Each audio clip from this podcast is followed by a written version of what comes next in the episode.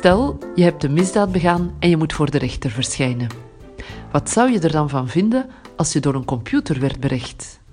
Hoogleraar Recht en Informatica Jaap van den Herik onderzoekt of computers recht kunnen spreken en, zo ja, of ze ook een eerlijkere straf geven dan menselijke rechters.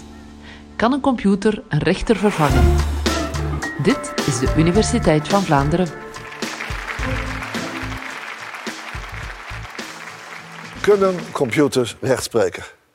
30 jaar geleden was deze vraag bijna het begin van een cabaret. Althans, zo zagen sommigen de inaugurele reden die ik op 21 juni 1991 uitsprak in de aula van de Universiteit Leiden.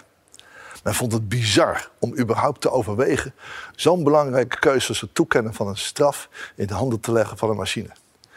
Ik vond het echter niet zo gek. Want zonder dat je het misschien weet, gebeurt het al veel vaker. Denk maar aan het maken van een vliegreis. Het grootste deel van de reis ligt je leven in handen van een boordcomputer en niet van de piloot. Het is dan ook een computer die bepaalt of jij recht hebt op een uitkering of niet. En of jij een verblijfsvergunning krijgt of niet. Mijn conclusie was dan ook al in 1991 dat het kon. Computers die recht spreken. En ik zal uitleggen waarom. Tijdens mijn inaugurele reden wist ik dat ik gesteund werd door de ontwikkeling op het gebied van de kunstmatige intelligentie. De artificial intelligence of de AI. En die ontwikkelingen die gaan hard. Een voorbeeld. Ik neem u mee naar Moskou 1951. Daar speelden twee schakers om het wereldkampioenschap in het Bolshoi Theater. Botwinnik en Bronstein. Ze waren de beste twee schakers ter wereld. De zaal keek ademloos toe. In 2018, zeg 70 jaar later, wordt er nog steeds gespeeld om het wereldkampioenschap schaken. Dit keer was het tussen Carlsen en Caruana. Ze speelden op een podium afgesloten door een glazen wand. Dat is nodig, want de hele zaal weet tegenwoordig via een computer of via een app op een telefoon wat de beste set is. Alleen de uitdager en de wereldkampioen weten dat niet. Zij spelen hun spel en natuurlijk mogen de mensen niet in de buurt komen van de schakers als ze een computer of een telefoon bij zich hebben. De regels van het publiek zijn volledig aangepast aan de ontwikkelingen van de technologie. Artificial intelligence brengt een aantal handige eigenschappen met zich mee die wij kunnen gebruiken in de juridische wereld.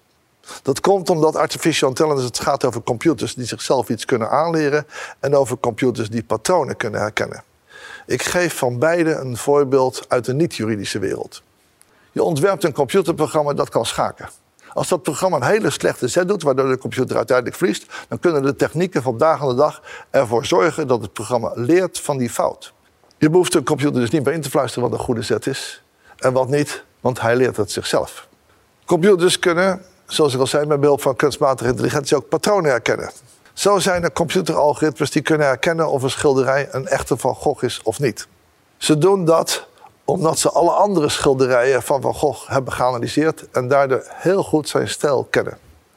Ze zien een bepaald patroon, ze zien de manier waarop de penseelstreken gezet zijn en ze zien de kleurencompositie. Als er ook maar iets is wat afwijkt, dan merkt de computer dat en dan zegt hij: Dit is geen echte Van Gogh.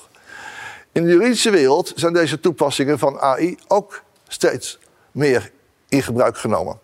Ze spelen dus een rol en, dan heb ik het niet alleen over de rechter die recht spreekt, maar ook over het hele juridische vakgebied. Dus de advocaten, de juridische adviseurs en ook de beleidsambtenaren. Denk bijvoorbeeld eerst eens aan de advocaten die zich bezighouden met intellectueel eigendom. Een advocaat heeft een cliënt en is een fotograaf. En die foto's van die fotograaf die worden keer op keer door Jan allemaal gebruikt op het internet zonder daarvoor te betalen. Met de huidige computerprogramma's kunnen we via een reversed image search erachter komen waar die foto's allemaal gebruikt worden en zo de daders voor de rechter slepen. Maar nu, hoe kan een computer nou een rechter helpen? Stel, er is een getrouwd paar, die hebben veel van elkaar gehouden en gaan nu toch uit elkaar. En er komt een zaak om de hoogte van de alimentatie vast te stellen. Er zijn programma's die kunnen rekenen wat een redelijk bedrag is om als alimentatie te vragen. Die programma's die stellen een bedrag vast op basis van de duur van de relatie, het inkomen van beide partijen, de hoeveelheid spaargeld die ze op de bank hebben. En verder kun je nog denken aan inflatie, de gemiddelde kosten van een woning of welke informatie ook maar beschikbaar is. De computer weegt alles en komt tenslotte op een eerlijk bedrag. Kunstmatige intelligentie kan rechters ook helpen in het bepalen van een juiste straf. Nu is het zo dat rechters als ze een strafbaar feit voorgelegd krijgen, gaan zoeken naar gelijksoortige zaken die opgeslagen zijn in een database. Ze kijken wat de straf daar was en ze baseren hun nieuwe uitspraak op de oude zaken. In de praktijk betekent dat dat ze naar een website, bijvoorbeeld rechtspraak.nl gaan en daarin zoeken ze in een database van 100.000 zaken. Ik geef een voorbeeld. In 2013 was er iemand die een jaar lang iedere keer expres zijn hond in de tuin van de buurman liet poepen. Dader moest uiteindelijk een schadevergoeding van 500 euro betalen aan die buurman. Stel nu dat ik rechter ben en ik krijg een casus voor mij van iemand die twee lama's een jaar lang in de tuin van zijn buurman laat poepen. Dat is nog nooit eerder gebeurd. En ze hebben ook nog struiken opgegeten. En nu zie ik die straf voor die poepende hond, die is 500 euro.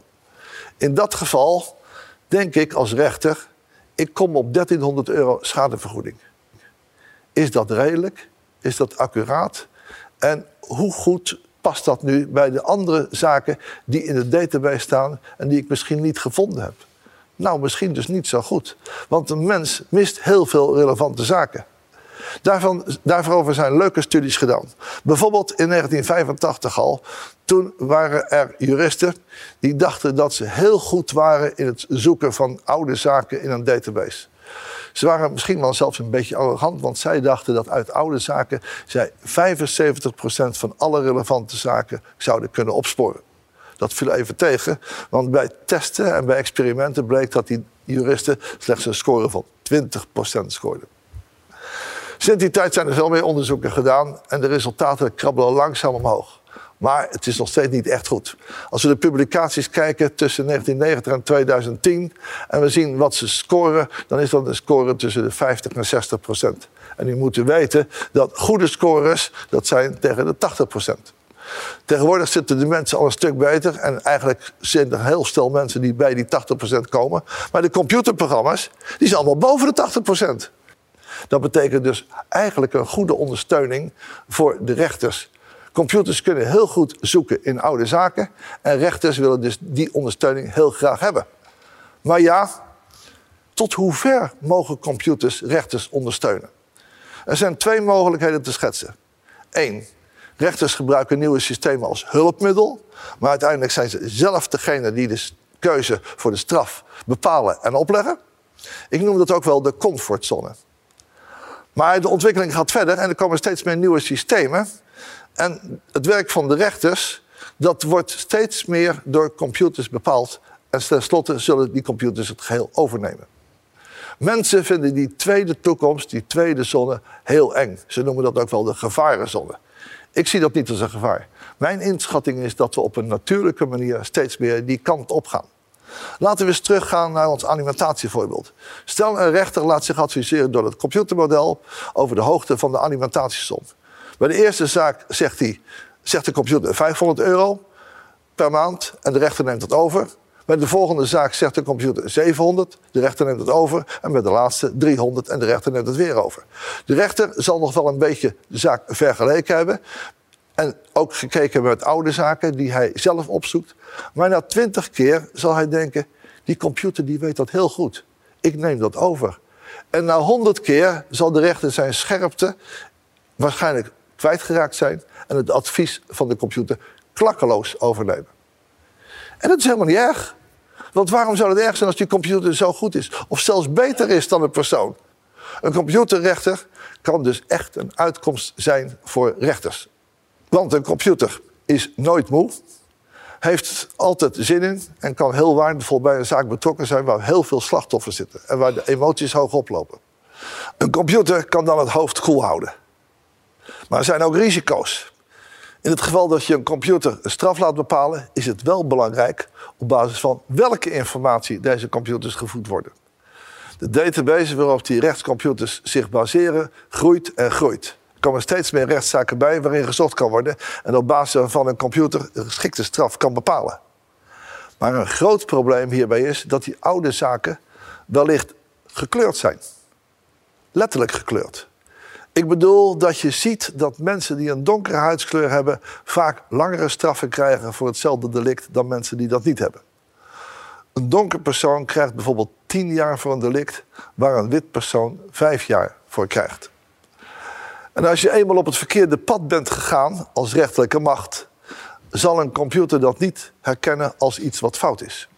Een computer leert zichzelf op basis van oude zaken en die zal dus denken dat dat zo hoort. Sterker nog, die zal mensen met een donkere huidskleur waarschijnlijk ook een hogere straf gaan geven. Dit is een belangrijk punt. Het geeft aan dat je zo'n computer dus ook moet kunnen bijsturen als mens. Dat betekent dat computers binnen een zekere marge dingen moeten kunnen veranderen, maar dat ze nooit de volledige vrijheid krijgen om dat automatisch te doen. Het is daarom van belang dat de wetenschap aandacht hieraan blijft besteden. Ik kom tot de conclusie. We begonnen dit college met de vraag of computers rechters kunnen vervangen. Mijn antwoord is ja. We hebben gezien dat computers laten rechtspreken voordelen heeft. Zo kunnen ze één, grote, grote hoeveelheden informatie verwerken. Op basis van oude zaken tot een geschikte straf komen. Ze laten zich niet leiden door emotie. En in principe zijn ze niet bevooroordeeld. Het is wel belangrijk om in de gaten te houden welke informatie aan deze systemen gegeven wordt. En welke mogelijke fouten in die informatie zitten. Want met foute informatie kunnen computers wel bevooroordeeld raken. Daarom is het belangrijk dat er nieuwe technieken ontwikkeld worden die ons daarbij helpen. Ik denk dat dat gaat lukken. En dan betekent het zeker dat we in de toekomst berecht kunnen worden door een computer. Bedankt om te luisteren. We hebben nog heel wat andere podcasts over recht, criminaliteit, maar ook over computers, artificiële intelligentie, eigenlijk over van alles. Op onze website universiteitvanvlaanderen.be en op zowat elke podcast-app vind je ze allemaal.